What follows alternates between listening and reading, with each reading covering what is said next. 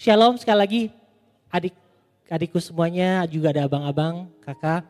Shalom juga untuk uh, rekan-rekan yang mengikuti ibadah hari ini dari YouTube. Shalom, Tuhan memberkati. Uh, masih belum terlambat ya untuk mengatakan selamat Natal, menjelang tahun baru semuanya, selamat Natal. Tuhan memberkati semua, senang sekali ya. Ini waktu di mana mungkin uh, keluarga teman-teman kita datang gitu ya. Di rumah juga ada ya adik kipar, keponakan rumah yang biasanya sepi jadi ramai gitu ya. Puji Tuhan, senang banget, senang banget. Oke, uh, teman-teman semua, hari ini kita mau uh, belajar ya uh, tentang segala pujian dan hormat bagi Yesus. Jadi bagaimana uh, dalam segala apa dalam segala keadaan apa pun kita mau bilang sama Tuhan, Tuhan baik, Tuhan setia dalam segala keadaan ya teman-teman semua ya. Nah, uh, uh, siapa yang hadir waktu kemarin Natalan Youth? Ada berapa minggu lalu Natalan Youth datang? Atau ngikutin dah mungkin ya ada yang ngikutin uh, dari dari YouTube ya. Jadi teman-teman uh, saya mau bilang drama kemarin tuh keren banget Terima kasih untuk uh, para pemainnya, para penitia, pengisi acara, juga pembicara yang mempersiapkannya dengan maksimal. Ya, jadi uh, uh, itu itu tentang Natal kemarin kita lanjutkan lagi. Apa aja sih yang kita udah pelajarin selama bulan Desember kemarin ya?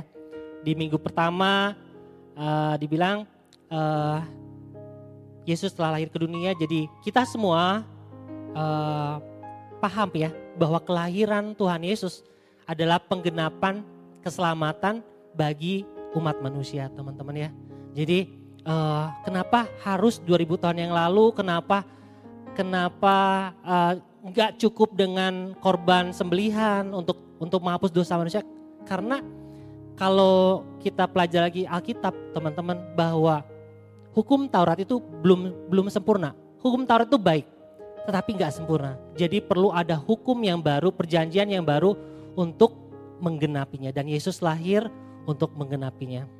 Ya, kemudian dampak kelahiran baru, waktu itu saya ingat Joshua yang sampaikan bahwa kelahiran Yesus dalam hati kita, maka kita mengalami dampak yang luar biasa dalam hidup kita dalam segala hal ya. Jadi uh, saya waktu itu juga Joshua sampaikan waktu Yesus lahir kok cuman di palungan gitu ya. Itu nunjukin kasih manusia yang cuman seadanya gitu ya. Yang mungkin kita pikir kok bisa ya Tuhan cuman lahir di palungan gitu ya. Dan tapi itu nunjukin gitu ya bahwa manusia kasihnya tuh gak seberapa gitu ya. Tetapi kita mau lihat apa yang mungkin manusia rancangin tetapi uh, Tuhan uh, kalau di ayat yang lain ya di uh, di, di, di uh, uh, yang waktu itu Yusuf katakan ya, manusia bisa mereka-rekakannya untuk kejahatan tetapi Allah mereka-rekakannya untuk kebaikan gitu ya. Jadi ada teman-teman kalau bisa lihat benang merahnya itu semua tuh ada dalam rancangannya Tuhan gitu ya, rancangan yang sempurna. Kemudian dah minggu ketiga itu Natal Youth ya. Jadi Bang Bernard sampaikan waktu itu temanya tentang anak yang hilang. Jadi kalau kita flashback lagi uh, retreat kita itu disampaikan sama Koel ya uh, tentang uh, sebenarnya dua orang yang terhilang ini ya baik yang sulung baik yang bungsu.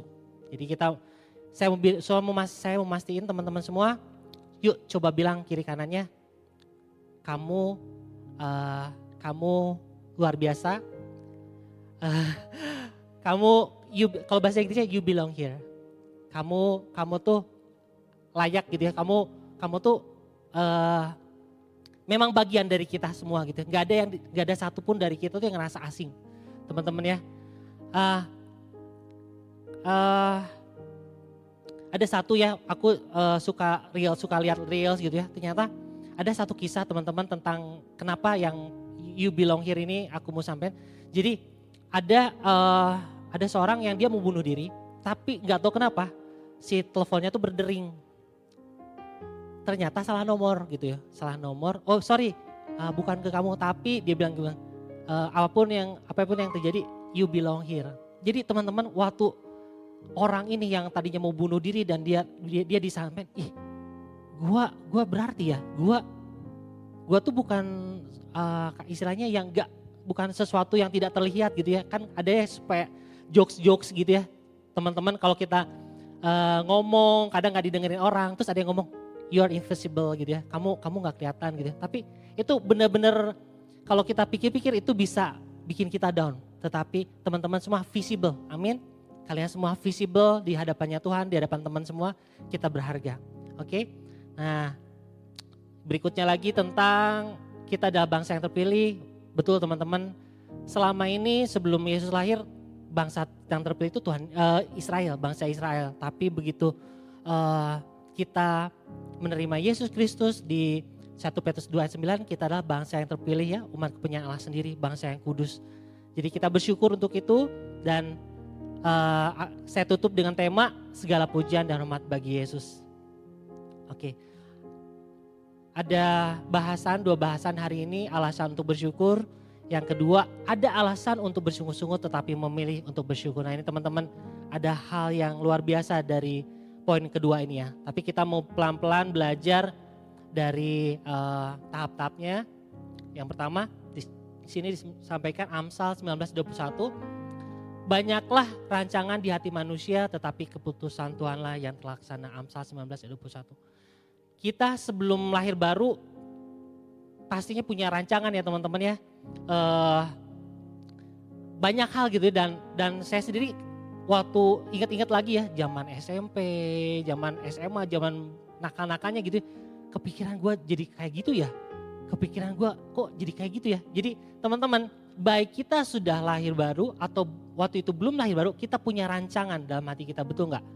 Ya ada ada hal yang mungkin memang baik ada hal yang mungkin buruk teman-teman ya.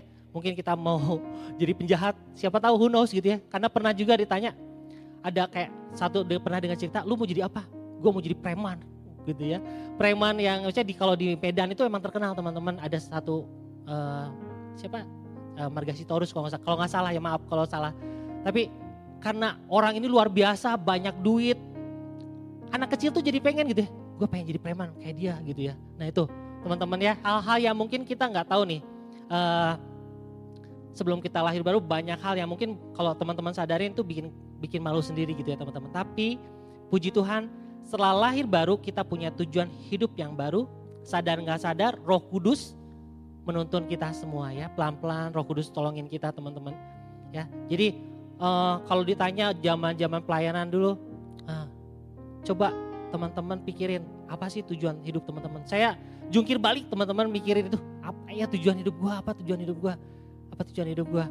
Tapi ketika uh, taat ketika setia dalam pelayanan apa pun itu ya dipercayain apa misalnya teman-teman mungkin hari ini cuma jadi aser hari ini cuma jadi apa di persekutuan cuma bawa air minum bawa konsumsi nyiapin games kalau kita setia uh, kita mulai lihat kayak benang merahnya teman-teman semua ya dan saya cuma bilang yuk tetap setia adik-adiknya.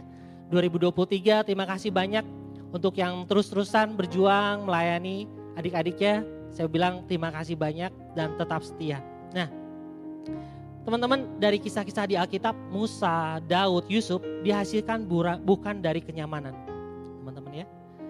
Tetapi dari tekanan dan penderitaan. Namun mereka tetap percaya dan akhirnya kita tahu keputusan Tuhanlah yang terlaksana. Teman-teman, penatua sering ingatkan kita bahwa kita perlu melaraskan visi hidup kita dengan visi gereja. Ada yang pernah dengar itu?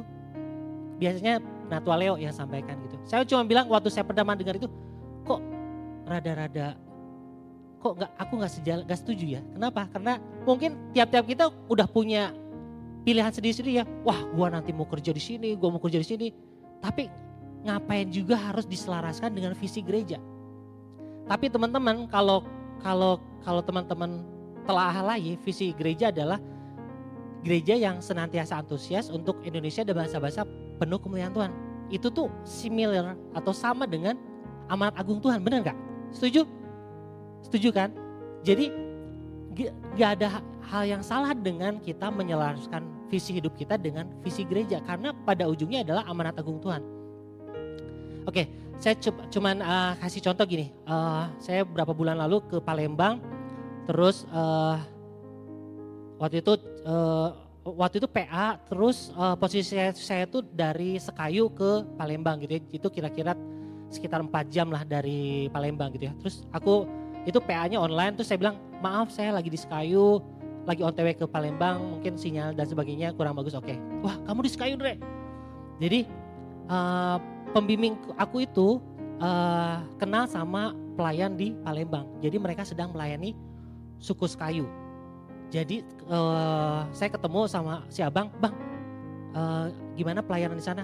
Jadi ternyata teman-teman luar biasa, mereka sedang mencoba uh, apa ya, uh, menerjemahkan Alkitab ke bahasa suku Sekayu teman-teman. Itu ajaib pelayanannya. Nah terus dalam hati tuh kan gue cuman kerja, kan cuman asa gimana gitu ya. Eh coba kontak ini, coba kontak ini, siapa tahu kau bisa gini-gini ya paling aku cuma ketemu sama security-nya gitu ya nggak nggak nggak nggak gimana. Nah oke okay. tapi setelah pekerjaanku hampir selesai teman-temannya itu mungkin tinggal dokumentasi. Itu tuh di hotel di Palembang saya ingat malam-malam.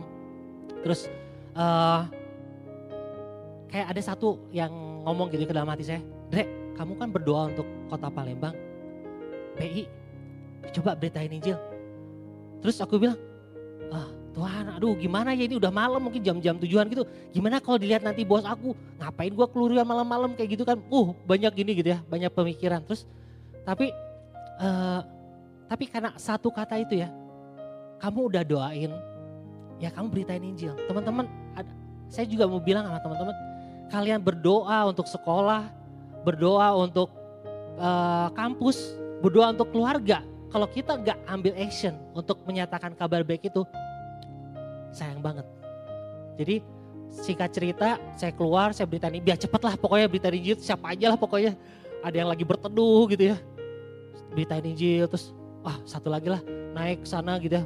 Berita Injil terus udah aja. Tapi uh, saya coba bilang teman-teman saya bukan tipe yang wah harus PI harus PI. enggak cuman kayak kalau PI di tahun ini pun bisa dihitung dengan tangan teman-teman. Tapi di, di hari itu saya mau belajar iya ya Tuhan. Kalau saya berdoa ada action yang perlu saya lakukan gitu loh untuk beritain Injil. Kalau enggak, sayang banget. Teman-teman saya bilang sayang banget. Oke? Okay?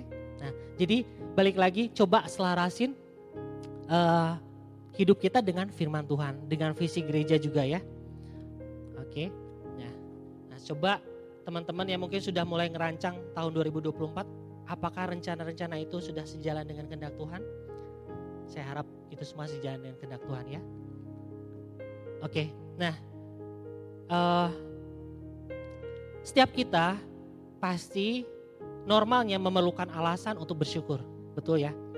Emangnya abang?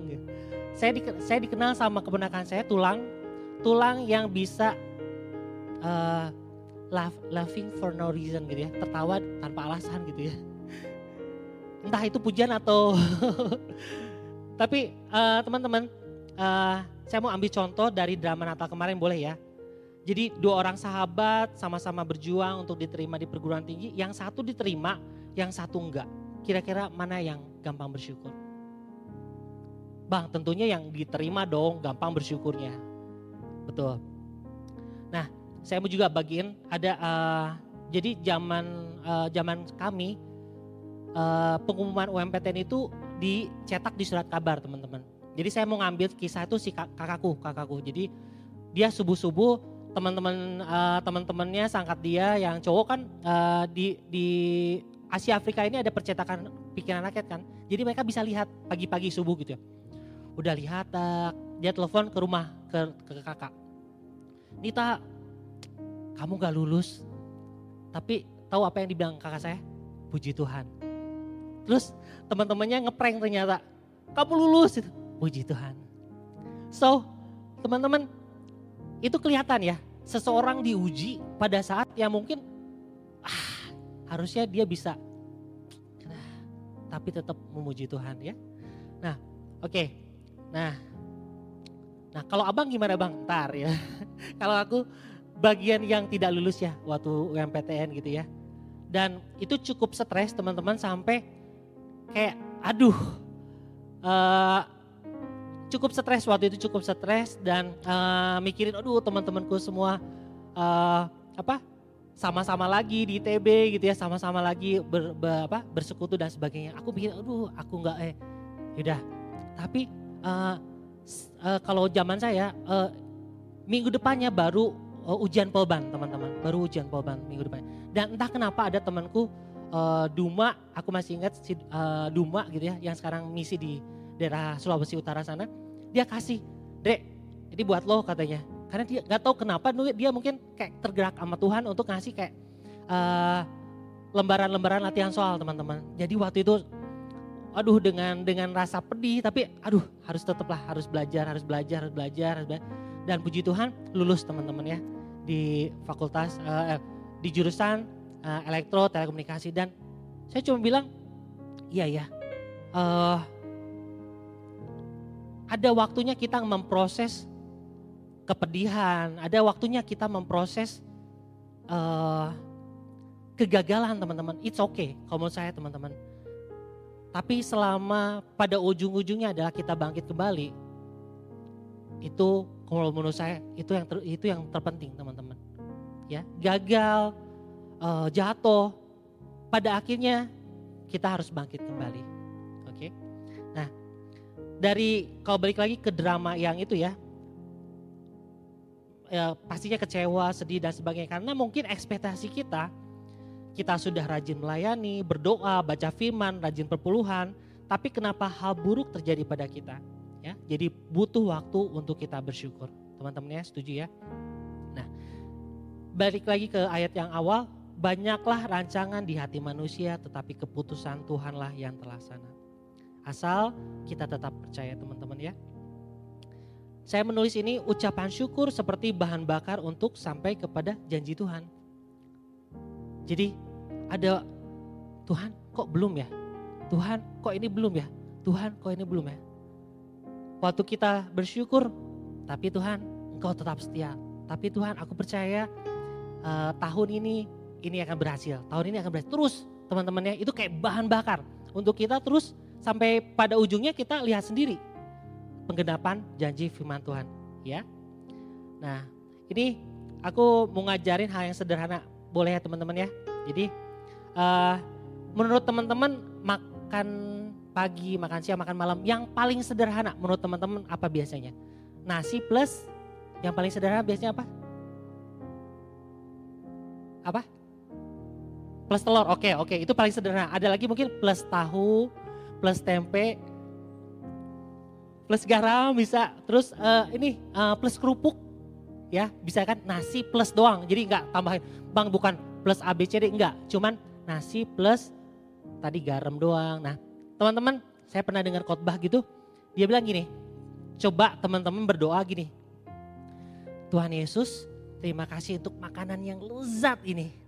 Dalam nama Tuhan Yesus aku berdoa. Amin coba teman-teman praktekin ya berapa hari kedua ke depan teman-teman lihat.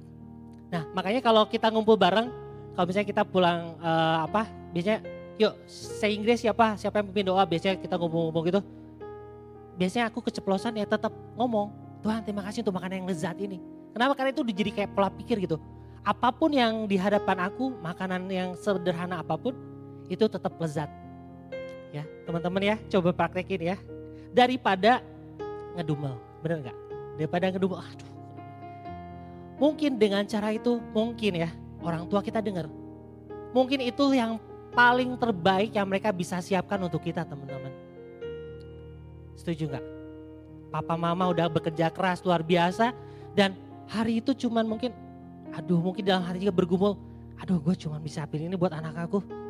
Tapi nggak apa-apa lah. Mungkin bisa jadi orang tua kita gak makan. Gara-gara kita makan hari itu. Teman-teman jadi jangan sembarangan ya uh, ninggalin makanan, ninggalin apa pun itu, yuk abisin, abisin ya. Kalau memang udah disediain seperti itu, ucap syukur, abisin. Nah, ada satu lagi, teman-teman kalau di Jepang, kalau makan ramen, ada yang tahu nggak gimana cara menghargai yang bikin ramen ya? Cara makannya gimana sih? Yuh, iya benar. Itu harus kedengeran. Ah, gitu loh. Harus kedengeran. Itu cara menghargai si pemilik restoran ramennya. Kenapa enggak? Saya saya pernah uh, bagi berkat tentang hal ini gitu ya. Terus disangkanya saya tuh ngajarin ajaran sesat. Jadi gini, ya gini, ya saya cuma bilang kalau kita makan di setiap huapan itu kita perlu bersyukur. Terus mungkin teman PA aku tuh mikirnya gini, makan terus doa lagi. Tuhan terima kasih enak. Makan Tuhan terima kasih. Enggak, bukan itu maksud saya teman-teman. Jadi waktu kita makan, Tuhan enak banget makan. Jadi kita tuh punya feeling tuh tetap bersyukur teman-teman ya. Coba ya. Ini bukan ajaran sesat teman-teman yang harus tiap suapan terus doa lagi. Enggak. Tapi orang dunia aja lakukan hal itu gitu loh. Untuk menghargai pembuat ramen. Kenapa enggak sih kita bersyukur sama Tuhan? Karena makanan yang Tuhan udah kasih sama kita ya. Jadi oke nah kita lanjut lagi. Jadi bang sebenarnya alasan kita bersyukur tuh apa? Sebenarnya apa? Ya Soalnya ada kesulitan di dunia ini, ada pergumulan, ada doa-doa yang belum terjawab, ada sakit penyakit, dan terkadang betul, saya boleh jujur itu menggantikan rasa syukur kita. Ya, kita sakit mungkin, ah Tuhan kenapa sakit? Terus misalnya ngalamin hal lain, misalnya kerugian dan sebagainya, aduh kenapa ya gue, aduh harusnya, aduh bisa gitu harusnya. Menggantikan rasa syukur kita. Nah, jadi kita perlu punya alasan yang tepat untuk kita bersyukur di luar keadaan yang kita alami saat ini. Jadi teman-teman paham ya? Jadi kita perlu sesuatu yang di luar apa yang kita lihat saat ini. Apa yang kita rasain, apa yang kita lihat, apa yang kita alami. Kita perlu keluar dari situ. Apa itu? Ya, kelahiran Tuhan Yesus atau pribadi Yesus Kristus itu sendiri. Bicara tentang Natal, kenapa Tuhan harus lahir? Kenapa kalau saya cuma berpikir-pikir gitu, Tuhan kenapa sih cuman Tuhan cuman tunjukin aja lah diri Tuhan di langit gitu ya. Semua orang bisa dengar saya Tuhanmu, sembahlah aku. Kadang suka berpikir seperti itu tuh, tuh. Kenapa sih nggak Tuhan lakuin itu gitu. Terus tapi kalau saya pakai logika saya lagi gitu ya. Ya balik lagi misalnya kita lagi makan ramen terus tiba-tiba saya Tuhanmu sembahlah aku. Siapa? Bisa jadi karena free will atau keinginan kita sendiri kita nggak nyembah dia. Iya karena siapa Yesus gitu ya. Kita nggak tahu apa-apa, tiba-tiba ada muncul di langit. Ya, contoh yang sederhana mungkin waktu kita berita Injil, teman-teman waktu kita berita Injil, kadang orang itu sama sekali belum pernah dengar nama Yesus Kristus. Kalian bisa lihat reaksi dia gitu ya. Dia bisa bingung, dia bisa Yesus siapa Yesus gitu ya. Tetapi saya mau bilang teman-teman harus tetap lakukan itu. Karena dari survei katakan setelah tujuh kali orang mendengar nama Yesus baru dia bertobat. Jadi setiap kita punya peran ya adik-adik ya teman-teman. Kita punya peran untuk teman kita di di kampus kita, sebelah kita, sahabat kita. Teman-teman, uh, ya jadi waktu kita dengarkan itu, waktu dia ya kita, orang yang kita injilin ini dia dengar di sekolah, di tempat kerja, di jalan, mungkin di TV, di lagu mungkin. Perlu peran setiap kita untuk jadi saksi kebaikan. Perlu peran kita untuk menjadi saksi kabar baik itu ya. Dan banyak teman-teman uh, cerita-cerita bahwa ada uh, orang yang bertobat karena setelah beberapa kali diberitakan Injil. Teman-teman ya. Waktu waktu dia minta Isa kalau engkau benar Tuhan tunjukkanlah dirimu. Tuk, langsung muncul. Tapi tetap perlu bagian kita ya teman-teman ya untuk beritain Injil. Nah tapi ternyata Tuhan gak lakukan, dia muncul di langit dan berkata dia Tuhan. Tetapi karena upah dosa adalah maut, Tuhan datang ke dunia untuk menebus kita dengan menanggung dosa kita. Supaya setiap orang yang percaya kepada Yesus Kristus dibenarkan dan beroleh selamat. Teman-teman, Tuhan Yesus memilih untuk hadir di tengah umat manusia atau Immanuel Allah bersama kita menyembuhkan yang sakit, membangkitkan yang mati, dan pada akhirnya menebus kita dengan cara menanggung dosa kita di kayu salib. Ibrani 4 ayat 15, saya bacakan buat teman-teman semua. Sebab imam besar yang kita punya bukanlah imam besar yang tidak dapat turut merasakan kelemahan-kelemahan kita. Sebaliknya sama dengan kita, ia telah dicobai hanya tidak berbuat dosa. Jadi saya cuma bilang satu alasan yang paling utama kita bersyukur adalah Tuhan Yesus yang menyelamatkan kita teman-teman. Itu alasan kita, kita mau bersyukur sama Tuhan setiap harinya teman-teman ya. Terus uh, Efesus 2 ayat 8, Saya bacakan buat teman-teman. Sebab karena kasih karunia kamu diselamatkan oleh iman, itu bukan hasil usahamu tetapi pemberian Allah. Jadi kita sadar betul bahwa keselamatan itu adalah kasih karunia teman-teman ya. Kemudian Zefanya 3 ayat 14 sampai 17. Bersorak-soralah hai putri Sion, bertempik soraklah hai Israel, bersukacitalah dan beriarialah dengan segenap hati hai putri Yerusalem. Tuhan telah menyingkirkan hukuman yang jatuh atasmu, telah menebas binasa musuhmu, Raja Israel, yakni Tuhan ada di antaramu. Tuhan ada di antaramu. Engkau tidak akan takut kepada malapetaka lagi. Pada hari itu akan dikatakan kepada Yerusalem, janganlah takut hai Sion, janganlah tanganmu menjadi lem, menjadi lem, lemah lesu. Tuhan Allahmu ada di antaramu sebagai pahlawan yang memberi kemenangan. Ia bergirang karena engkau dengan sukacita, ia membaharui engkau dalam kasihnya, ia bersorak-sorak karena engkau dengan sorak-sorak.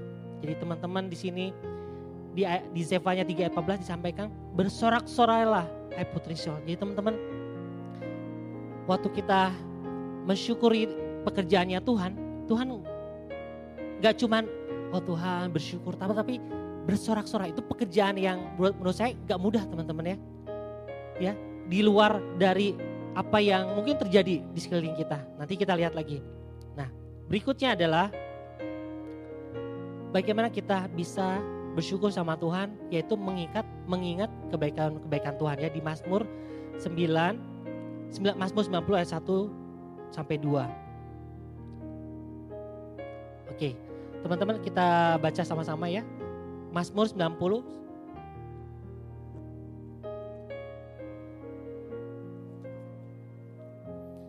Mazmur 90 ayat 1 dan 2. Sorry, benarkah?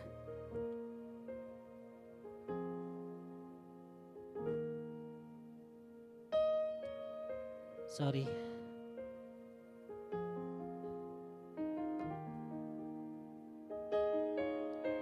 Oke, sorry ya, maksudnya bukan 1 dan 2 tetapi 12 ya. Sorry itu turun maaf uh, Mazmur 90 ayat 12. Kita baca bersama-sama. Satu, dua, tiga. Ajalah kami menghitung hari-hari kami sedemikian hingga kami beroleh hati yang bijaksana.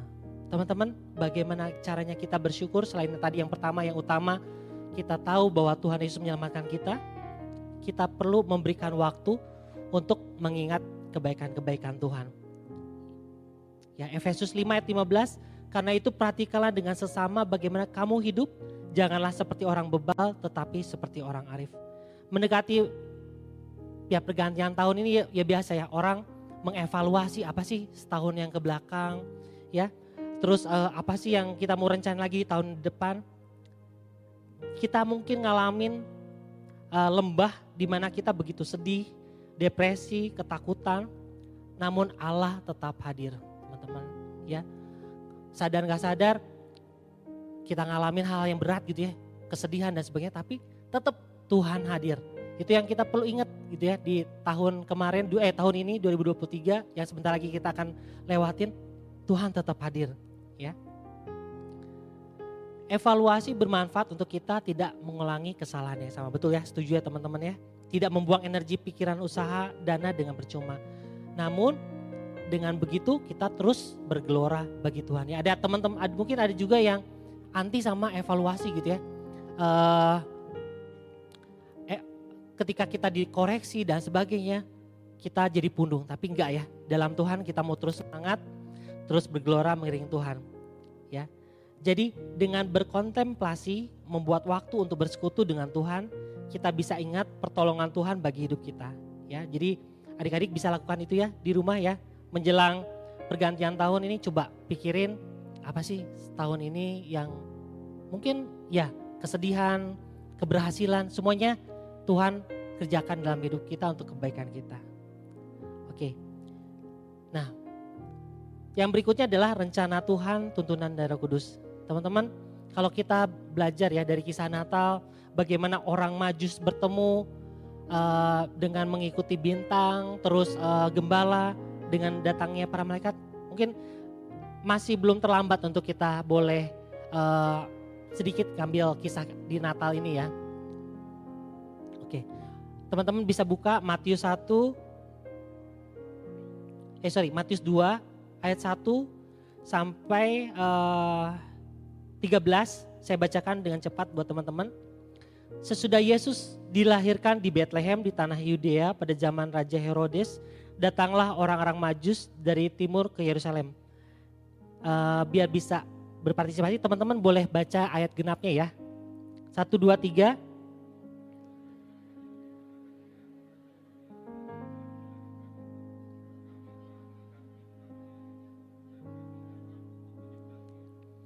Ketika Raja Herodes mendengar hal itu, terkejutlah ia beserta seluruh Yerusalem.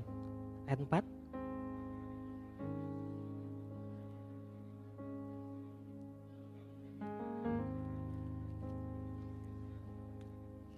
Mereka berkata kepadanya, di Bethlehem di tanah Yudea, karena demikianlah ada tertulis dalam kitab Nabi.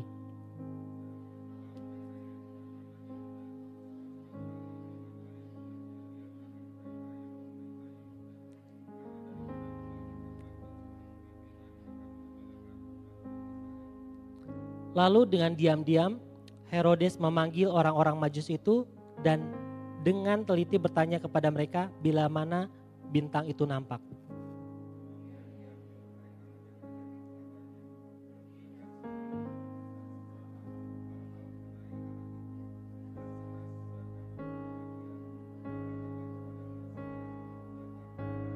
Ya, sampai di situ dulu teman-teman.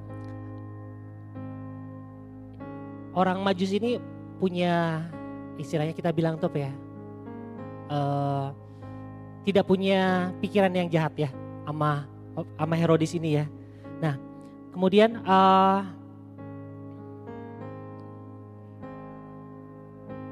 ya kita lanjutkan lagi di ayat yang ke-9.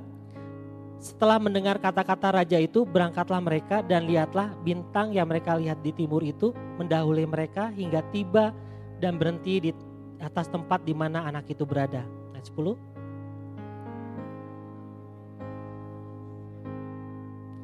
Maka masuklah mereka ke dalam rumah itu dan melihat anak itu bersama Maria, ibunya, lalu sujud menyembah dia. Mereka pun membuka tempat harta bendanya dan mempersembahkan persembahan kepadanya yaitu emas, kemenyan, dan mur.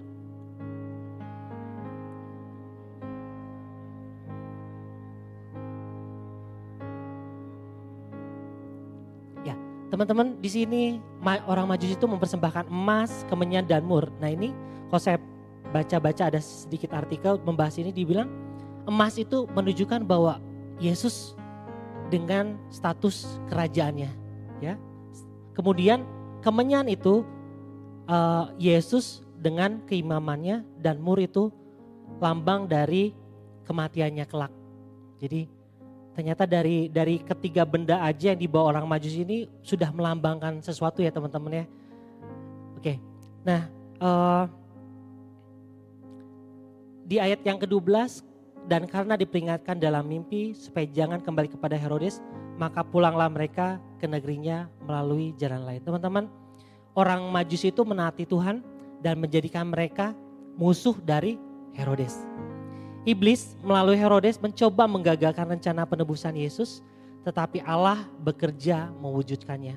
Jadi pada saat itu kerajaan gelap melawan kerajaan Allah. Sadar nggak sadar teman-teman, itu yang terjadi pada setiap kita saat ini. Iblis coba menggugurkan iman kita. Bisa dari berbagai banyak hal gitu ya.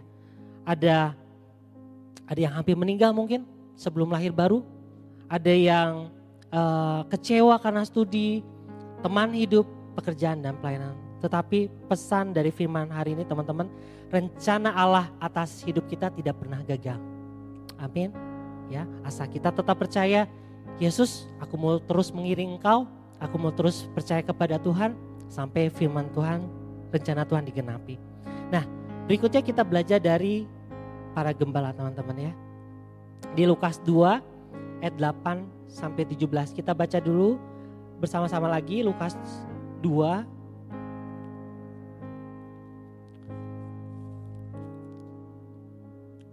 ayat 8 sampai 17. Kita baca dulu ayat 8 sampai 12. Saya bacakan yang ayat genap dulu, teman-teman baca yang ganjil, Lukas 2 ayat 8. Di daerah itu ada gembala-gembala yang tinggal di padang menjaga kawanan ternak mereka pada waktu malam.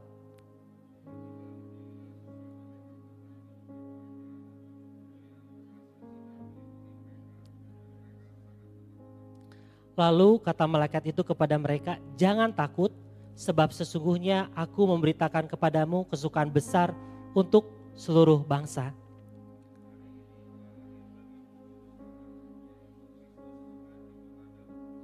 Dan inilah tandanya bagimu, kamu akan menjumpai seorang bayi dibungkus dengan lampin dan terbaring di dalam palungan. Sebentar teman-teman sampai di situ dulu teman-teman.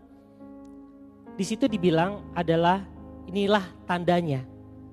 Jadi kalau kita belajar teman-teman, kalau teman-teman kan suka ini ya pesan uh, pesan uh, barang ya, terus dari apa pun itu biasanya kita kasih tanda ya, Pak uh, rumah saya, uh, alamat rumah jalan ini ini. Misalnya kalau kalau rumah kami saya tandain sebelah bidang Teresia pagar oranye. Nah biasanya kayak gitu kan. Jadi kita mau mastiin orang yang mengirimkan barang itu uh, kesulitan, betul nggak? Nggak kesulitan, nggak kebingungan waktu dibilang, oh, oh ini udah jelas nih tandanya ini sebelah bidan, pagarnya orang orang berarti ini paketnya buat di sini, oke. Nah, saya saya coba pikir ternyata Tuhan pun itu tadi ya, yang kita tahu itu mungkin semacam kemiskinan atau kasih manusia pada saat itu dengan menempatkan Yesus pada uh, pada pada palungan, tetapi ternyata itu adalah tanda, teman-teman. Teman-teman bisa lihat ini, ya.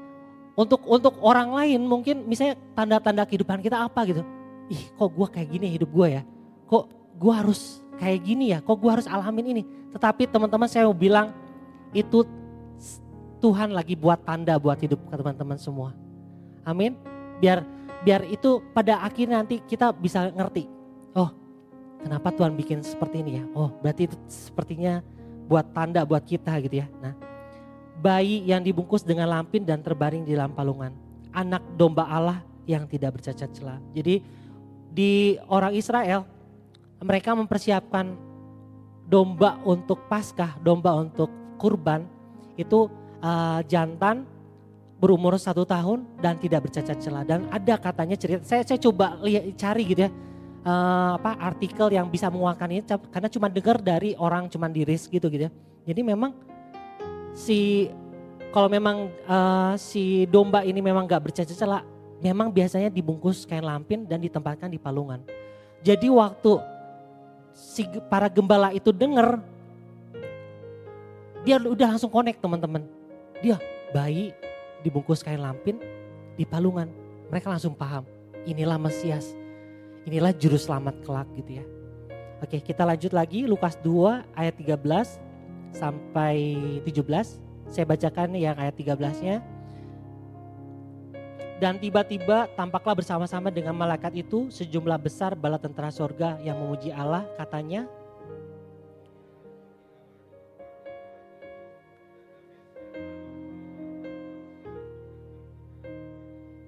Setelah malaikat-malaikat itu meninggalkan mereka dan kembali ke surga, gembala gembala itu berkata seorang kepada yang lain, "Marilah kita pergi ke Bethlehem untuk melihat apa yang terjadi di sana."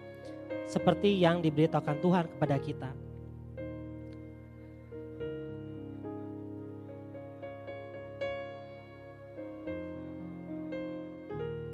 Dan ketika mereka melihatnya, mereka memberitahukan apa yang telah dikatakan kepada mereka tentang anak itu. Teman-teman, uh, ada satu buku, lihat sekilas gitu ya, dia ceritain kalau kita pada saat itu di kondisinya Maria teman-teman. Maria belum menikah, terus mungkin dia bilang sama orang tuanya, saya hamil. Teman-teman bisa bayangin nggak reaksi orang tuanya kalau misalnya orang tuanya nggak connect dengan mungkin uh, yang uh, perjanjian tentang Mesias, bagaimana dia harus lahir dari seorang perawan, bisa jadi Maria dikucirin teman-teman. Ya, karena mungkin orang berpikir karena zina dan sebagainya. Pernah kepikiran nggak seperti itu enggak? Maria ngalamin mungkin dijauhin orang-orang gitu ya, bisik-bisik gitu. Kok perutnya belum bersuami gitu ya. Maria harus ngalamin itu. Memang betul malaikat datang sama Maria bilang jangan takut itu itu penguatan yang sangat-sangat powerful teman-teman. Jadi Maria, Maria, Yusuf, mungkin orang-orang yang hadir di situ perlu penguatan dari para gembala ini. Karena di situ dibilang mereka memberitahukan apa yang telah dikatakan kepada mereka tentang anak itu. Jadi di situ ada orang-orang yang memang membutuhkan penguatan, kesaksian tentang Yesus, teman-teman ya. Kepada para gembala, malaikat datang kepada orang yang sederhana dan tulus. Ya. Tetapi kepada orang majus diberikan tanda bintang. Teman-teman saya teringat di Amsal 25 ayat 2, Amsal 25 ayat 2, kemuliaan Allah ialah merahasiakan sesuatu, tetapi kemuliaan raja-raja ialah menyelidiki sesuatu. Teman-teman, ajaib bagaimana Tuhan memanggil seorang gembala yang sederhana dan juga dia memanggil orang majus, orang pintar. Yang kalau dibilang Amsal, memang kemuliaan mereka adalah menyelidiki sesuatu, teman-teman. Mereka tuh uh, mungkin punya ruangan tertentu untuk belajar, untuk studi dan sebagainya gitu ya. Uh, ini memang makanannya mereka. Jadi teman-teman kalau di pelayanan kita bisa lihat biasanya ada orang yang memang dia dia tuh bagus banget di pelaksanaan ya. Jadi kita hargai mereka tapi ada juga yang memang mereka jago bikin desain. Nih pelayanan yang bagus nih gimana caranya? Ya, dua-duanya Tuhan undang gitu ya. Orang-orang yang hebat ini gitu ya, orang-orang yang sederhana juga orang-orang yang pintar ini. Nah, contoh korelasinya kalau kita di pelayanan, kita bang gue ngerasa biasa-biasa aja. Yuk datang ke pelayanan untuk diperlengkapi. Nah terus mungkin ada orang juga bang, wah gue udah tahu nih gini gini gini. Oh banyak hal gue tahu bang. Yaudah datang juga ke pelayanan untuk memperlengkapi. Jadi di pelayanan itu hidup teman-teman ya. Ada orang yang diperlengkapi dan ada orang yang memperlengkapi. Ya. Nah menjadi orang yang proaktif, menjemput bola, apa yang bisa saya bantu, abang, kakak, koko, cici. Nah, proaktif ya teman-teman ya. Rencana Allah yang sudah terjadi dan masih akan terjadi dan kasih karunia kepada kasih karunia adalah hal yang perlu kita syukuri. Jadi ada beberapa hal tadi kita sudah belajar untuk kita boleh bersyukur. Nah, yang terakhir adalah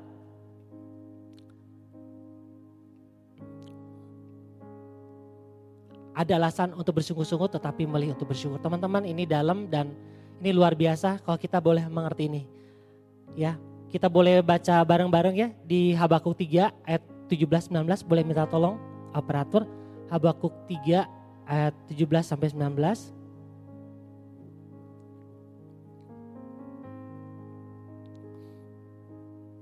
Ya, kita baca dulu yang 17. 1 2 3 Sekalipun pohon ara tidak berbunga, pohon anggur tidak berbuah, hasil pohon zaitun mengecewakan, sekalipun ladang-ladang tidak menghasilkan bahan makanan, kambing domba terhalau dari kurungan, dan tidak ada lembu sapi dalam kandang.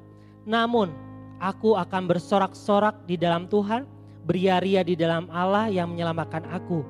Allah Tuhanku itu kekuatanku yang membuat kakiku seperti kaki rusa, yang membiarkan aku berjejak di bukit-bukitku untuk pemimpin biduan dengan permainan kecapi. Teman-teman, teman-teman kalau lihat di Reels itu lagi happening tuh jadi uh, orang-orang di Amerika Serikat itu lebih seneng uh, minta waktunya tambahan ya.